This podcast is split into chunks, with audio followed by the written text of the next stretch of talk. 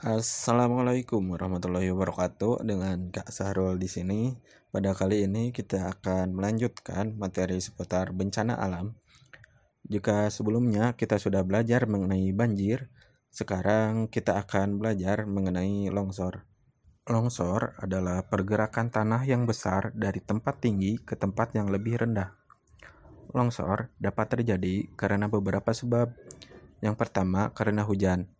Air hujan yang jatuh berlebihan ke tanah dapat menyebabkan tanah tidak dapat menampung air lagi, sehingga tanah menjadi rentak dan terjadilah longsor. Sebab yang kedua bisa terjadi karena tanah membentuk lereng yang terjal, sehingga tanah yang berada di bawah tidak bisa lagi menahan berat tanah yang ada di atas.